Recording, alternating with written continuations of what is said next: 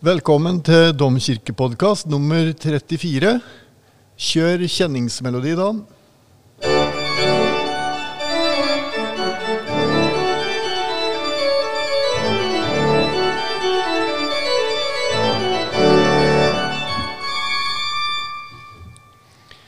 Da er vi i gang igjen med vår sporadiske podkast. Ja, det er en stund siden sist. Ja, vi har sagt det nesten hver gang. Ja. Vi har holdt på lenge, da. Jeg lurer på om vi snart har kanskje tiårsjubileum eller et eller annet sånt. Ja ja, vi har jo over 30 podkaster nå. Men vi kommer tilbake. Det er vel det eneste vi kan love. Vi er som en bumerang. Vi kommer alltid tilbake.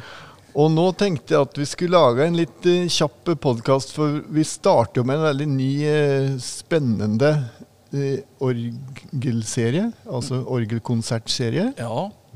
Det- er musikk og mat, og det presenteres eh, forskjellige land i Europa både med sin orgelmusikk og sin matrett.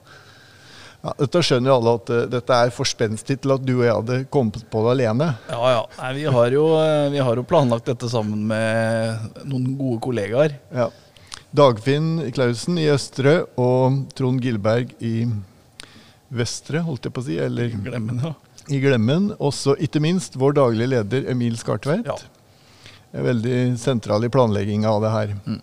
Så, og vi drar i gang med, med en konsert nå på søndag, som da er den nasjonale eh, serien. For vi skal ha en sånn serie med eh, orgelmusikk fra forskjellige land. Mm.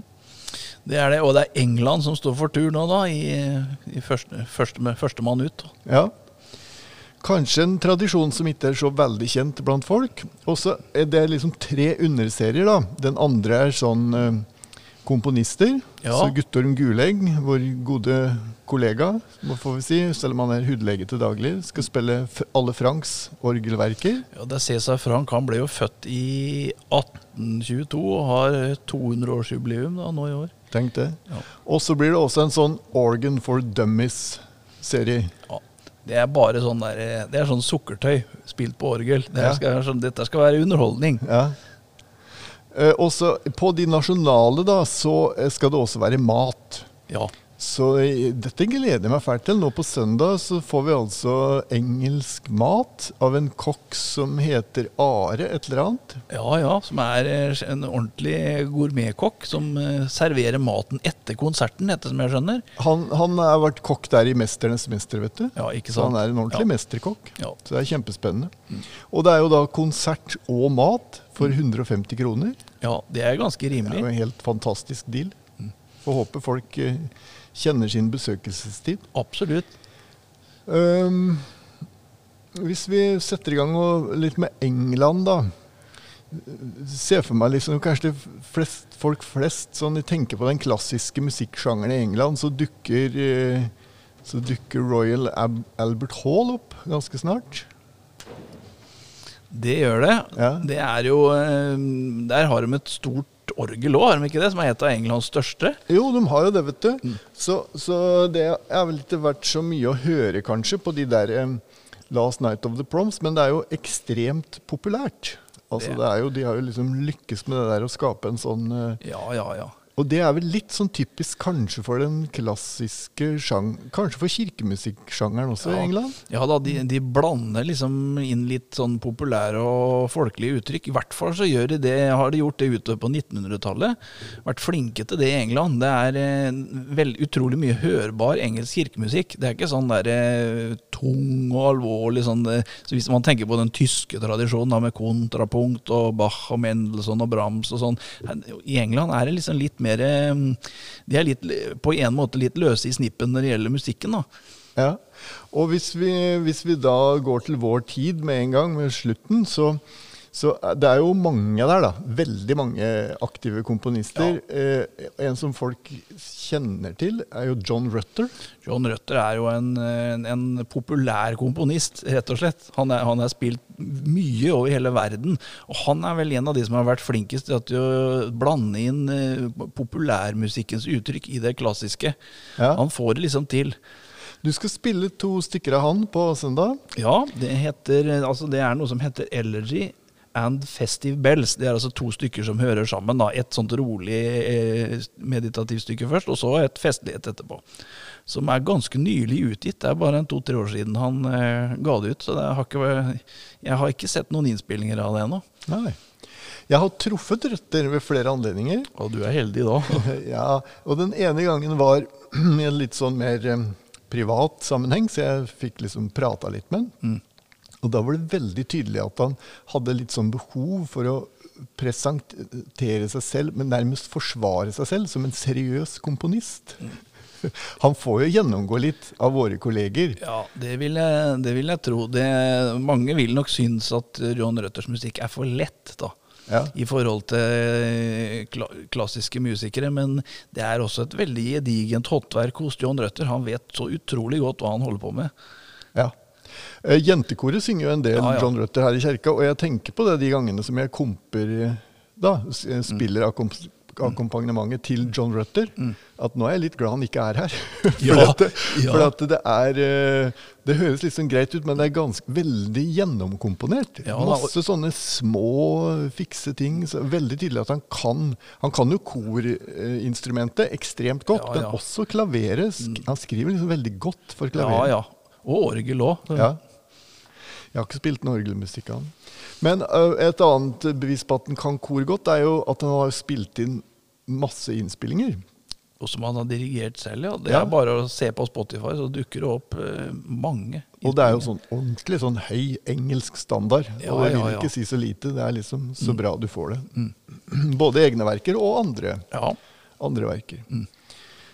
Yes, Det var John Rutter. Men um, vi begynner vel i andre enden uh, da. Altså De hadde jo en, uh, en tidlig orgeltradisjon i England ja også. Ja, det hadde de. var litt mindre orgler uten pedal, Ja, og kanskje så- bare med et manual. Mm. Så en del av den tidlige orgelmusikken kan også framføres på cembalo da, og andre klaverinstrumenter. Vi får noen eksempler på det òg. Det gjør vi. Ikke minst vi får høre musikk av Henry Purcell, som er en av de aller største engelske, og en som heter Thomas Augustin Arn. Det er han som har skrevet Rule Britannia, som også er, får høre på Last Night of the Proms. Ja, er det det? Der hadde jeg et hull. Han hadde jeg ikke hørt om, men det er klart, eh, ikke sant? Ja. Den, eh, den låten kan vi jo. Mm. Og så har vi en som heter William Boyce, som altså er, eh, var veldig kjent på 1700-tallet. Disse komponistene her de skriver litt sånn, ligner litt på Händel i stilen. Ja. For Hendel er jo nesten også regnet for engelsk. Ja, han bodde i London i siste 35 år av sitt liv, eller noe sånt. Ja. Så man kan nesten ta med Händel også i den engelske Ja, ja. orgeltradisjonen. Og han har jo skrevet masse orgelmusikk. Ja, masse orgelkonserter, men det er for orgel og strykere, da. Ja. Så da må man ha med et uh, orkester. Det, det kunne jo vært et framtidig prosjekt. Absolutt. Du som, nå får vi gode ideer mens vi snakker. Jeg spilte en av de når jeg gikk på diplom, faktisk, på Musikkhøgskolen med kammerorkesteret der. Grådig moro. De kan Mm. Man spille på det lille orgelet, vet du. Nemlig, det er jo det. Orgel til Ryde som står nede i kjerka. Mm. Nei, det må vi gjøre, Dan. Ja. Det holder nesten med strykekvartett, kanskje. Ja, det kan hende. Fader, der eh, fikk vi en god idé, altså. Mm. Men, men det var jo da det var jo da barokken, eller renessansen og barokken. Og så, så kan jeg rett og slett ikke så mye om klassisismen, og, og vi har ikke med noe eksempel derifra heller på Nei, på søndag. i mange år så gikk jo England for å være et underutvikla land når det gjaldt musikk. Altså fra slutten av 1700-tallet og til langt ut på slutten av 1800-tallet så ble England kalt 'the land without music'. Akkurat. Men det er, det, er, ikke så mange kjente komponister da, som, eh, på, på, på 1800-tallet. Men så, fra slutten av 1800-tallet, så skjedde det noe med musikkutdanningsmiljøet i England som gjorde at det bare velta på med, med store musikere og komponister fra slutten av 1800-tallet og fram mot 1900-tallet. Og en av de første var Charles Stanford, Ja. som vi også får høre musikk av på søndag. Da, orgelmusikk. Ja.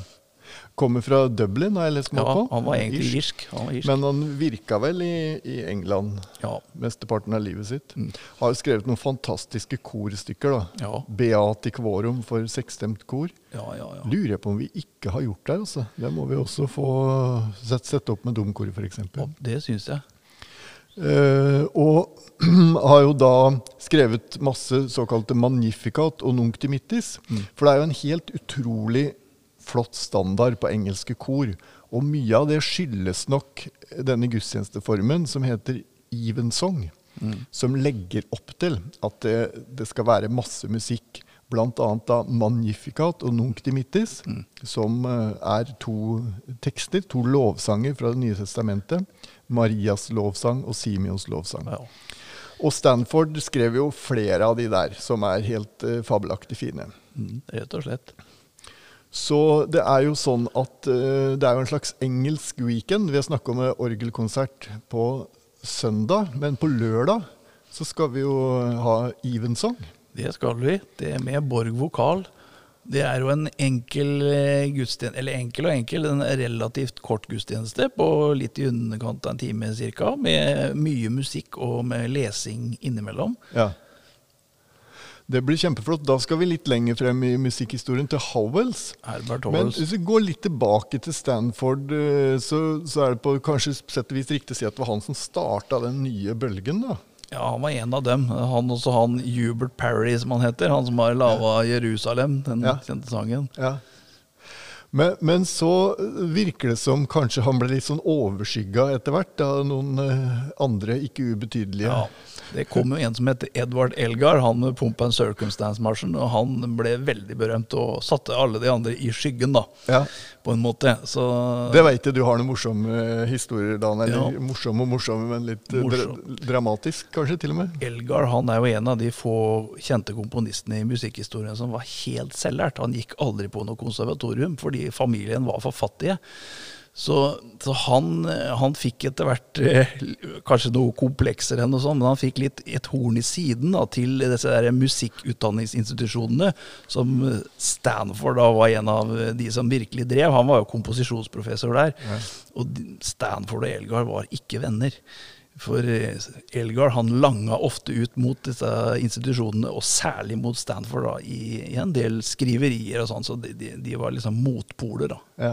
Sikkert rivaler òg, men de var ikke venner. På sett og vis synd, fordi at eh, Ja, de representerer jo veldig flotte ting begge to, men det er klart at Stanford kommer aldri på det nivået når det gjelder liksom den symfoniske musikken og sånt. Nå. Der er jo Nei. Elgar nesten helt uovertruffen. Det er jo noe av det fineste du kan Ja, høre ja. på. Og masse ukjente verk også. Jeg hørte masse på Dream of Gerontius en stund. ja stort, Et stort flott oratorium. oratorium. Ja. Eh, Men på, på lørdag, da, nei, søndag, på konserten, så får vi høre litt musikk av Stanford. Ja, det er altså vår gode kollega Dagfinn Clausen skal spille en Fantasia i d-moll av eh, Charles Stanford, som er et av hans eh, beste orgelverker. Så får vi høre ganske godt representativt der fra Ja. han. Det blir spennende. Kjenner mest kormusikken. Det blir spennende å høre litt av Mm. orgelmusikken også. Mm. Ehm, og så, men Elgar får vi ikke høre noe av, men han har også skrevet litt eh, orgelmusikk. Ja, han har det, blant annet en orgelsonate som er veldig fin, men veldig vanskelig så, og Ja. lang, så den får vi vente med til en annen gang. Ja. Men så også skrider det jo da fremover, og så er det jo fortsatt sånn gullalder, vil jeg si, i England. eh, Både på orgelfronten og særlig kor og orgel, da Ja. kanskje. Ja da. Da kommer jo Britten, som er en av mine desiderte favoritter. Ja, var også en veldig stor komponist som hadde en tendens til å sette andre helt i skyggen. Ja. Jeg kjenner jo igjen kormusikken best, men der er det jo sånn at eh, mange av de flotte korverkene, f.eks. Rejoice in the Lamb, har jo også veldig kul orgelstemme. Ja. Så han også kunne jo orgelet veldig godt, og kunne utnytte sånn hele det, det store instrumentet. Fordi nå, utover på 1800-tallet, så endrer jo orgelet seg. Både i England og resten av verden. verden. Så får de der store orglene En av de, en av de berømte orgelbyggerne heter Willis, som har bygd det store orgelet i, i Royal Albert Hall og også i Liverpool Cathedral. Jeg er usikker på om det er han som har bygd det i St. Paul også. Det er jeg ikke sikker på. Det burde jeg visst, selvfølgelig. Men, Ja, Du har jo eh, spilt konsert ja, der. Ja, det husker jeg ikke. Det, men, men det er jo da noe man kan google på. Hvordan var det da å spille der? Det var eh, veldig morsomt, samtidig som det var skummelt. For det er så mye akustikk der at uh, det skal ingenting til før eh, det du spiller, blir utydelig. Men ekstremt stort orgel. Veldig stort. Og det er da eh, ikke det største i England. Nei, England. ikke sant? Så du kan tenke deg sjøl. Ja. De Liverpool Cathedral er vel kanskje enda større. Ja, det tror jeg faktisk. Så, og, og liksom orgelpiper litt overalt, på en måte. Så Ja, det er ja. ikke sånn samla sånn som Markussen-orgelet som vi sitter ved nå, hvor det er samla i én kasse. Nei. Der er det litt mer putta rundt overalt. Ja. Litt sånn som i Nidarosdomen nå. Mm. Der, eh, der var jeg jo organist et år, og du, da kom jo du opp og spilte en konsert Ja. Så det er jo både litt sånn eh, vanskelig, men at det er piper både her og der. Du får liksom ikke den presisjonen og den følelsen av nærhet. Men det er jo veldig morsomt, da. Du kan spille på rommet på en måte. ja, det er en helt egen opplevelse. Men, men som sagt, så på søndag så er det jo ikke kor, men vi får likevel høre eh, Britten. Mm. Britten har publisert ett orgelverk, preludium og fuge, over et tema av en spansk renessansekomponist som heter Vittoria. Ehm, Det, altså det, han som kommer og spiller, han eh, heter Paul Wilmot. Og har vel ikke engelsk bakgrunn, men amerikansk. da, og Vi har spurt han, for han har liksom litt greie på og snøring på den tradisjonen her. Det blir spennende å ha studert med David Sanger, blant Ja. annet, som er en Mhm. kjent engelsk orgelprofessor. Ja, Um, så eh, han spiller også noe av Howells. Det gjør han. Herbert Howells han spiller også et av Howells beste stykker, som heter Master Tallis Testament, hvor han eh, bearbeider et tema av en annen engelsk komponist, Thomas Tally, som levde i renessansen. Veldig flott, altså. Majestetisk og fint. Det er flott, da fikk vi inn et navn til. Fordi Tallis er jo et veldig sentralt navn i engelsk sammenheng. Ja. Og da er vi jo helt tilbake på, på skulle si 1400-tallet, men ble usikker. Ja, det er i hvert fall langt tilbake. Det er renessansen, så det er vel noe rundt her. For, for de stykkene som vi eh, Det stykket som vi fremførte her for en stund siden, for 40 stemmer, mm. skrev jo Tallis til Elisabeth den første sin 40-årsdag. Mm. Én stemme til hvert år. Ja. For, eh, for eh, åtte femstemte kor. Mm. Eh, og da er vi jo altså Med Howell så er vi på en sett og vis fremme i vår tid. Vi, På Mm. lørdag skal vi jo fremføre noen utrolig vakre stykker for kor og orgel Ja. av Howells. ja. Lørdag klokka fem, altså. Eh, og når vi er fremme i vår tid, så nevnte jo det at der er det et, et stort eh, spenn blant nålevende komponister. Og Paul Wilmot han avslutter med et fyrverkeri av et stykke som heter Allelujas av Simon Preston. Tidligere organist i St. Paul. Han er mest kjent for å være organist, Simon Preston, og kordirigent. Så jeg visste ikke at han var komponist i gang, men han har i hvert fall skrevet et eh, litt modernistisk, flott orgelstykke. Noe inspirert av Messiaen. Ikke veldig mye, men litt. Ja. Så jeg kan si representerer en helt annen retning enn enn røtter, da. Så kanskje nå til slutt, hvis du bare tar starten av det der stykket av Simon Preston, Dan. Så kan vi høre bare åssen det begynner.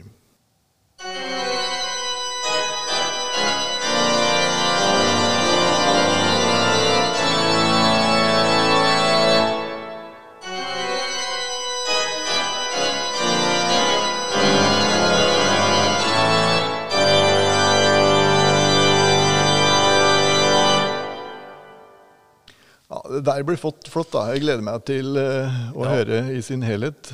Skikkelig full guff. Ja. Men så eh, Du starter konserten, da, eller? Det er Dagfinn som starter med Stanford, for Ja. liksom få noe ordentlig majestetisk. Og så går vi over til litt barokkmusikk. Ja. Som eh, delvis ved Dagfinn, og så kommer Paul inn der. Og så har jeg et lite eh, mellomspill med John Røtter og noe annet. Og så kommer Paul Wilmot igjen med en lengre avdeling med 1900-tallsmusikk da, til slutt. Da foreslår vi slutter denne podkasten med, med et av de røtterstykkene. Ja. Eh, ta det raske, kanskje. Festive Bells. Festive Bells. Ja. Da takker vi for oss med det. Og så, hvem vet, kanskje er vi plutselig tilbake igjen. Fordi nå er det en veldig giv på kommunikasjonsfronten her. ja. Vår nye sokneprest eh, Endre Fyllingsnes han eh, kjører oss hardt nå. Han Lager kan. kommunikasjonsplan, og vi skal ut på alle plattformer. Ja ja, så nå er det bare å dra i gang igjen. Ja. Så plutselig ses vi igjen.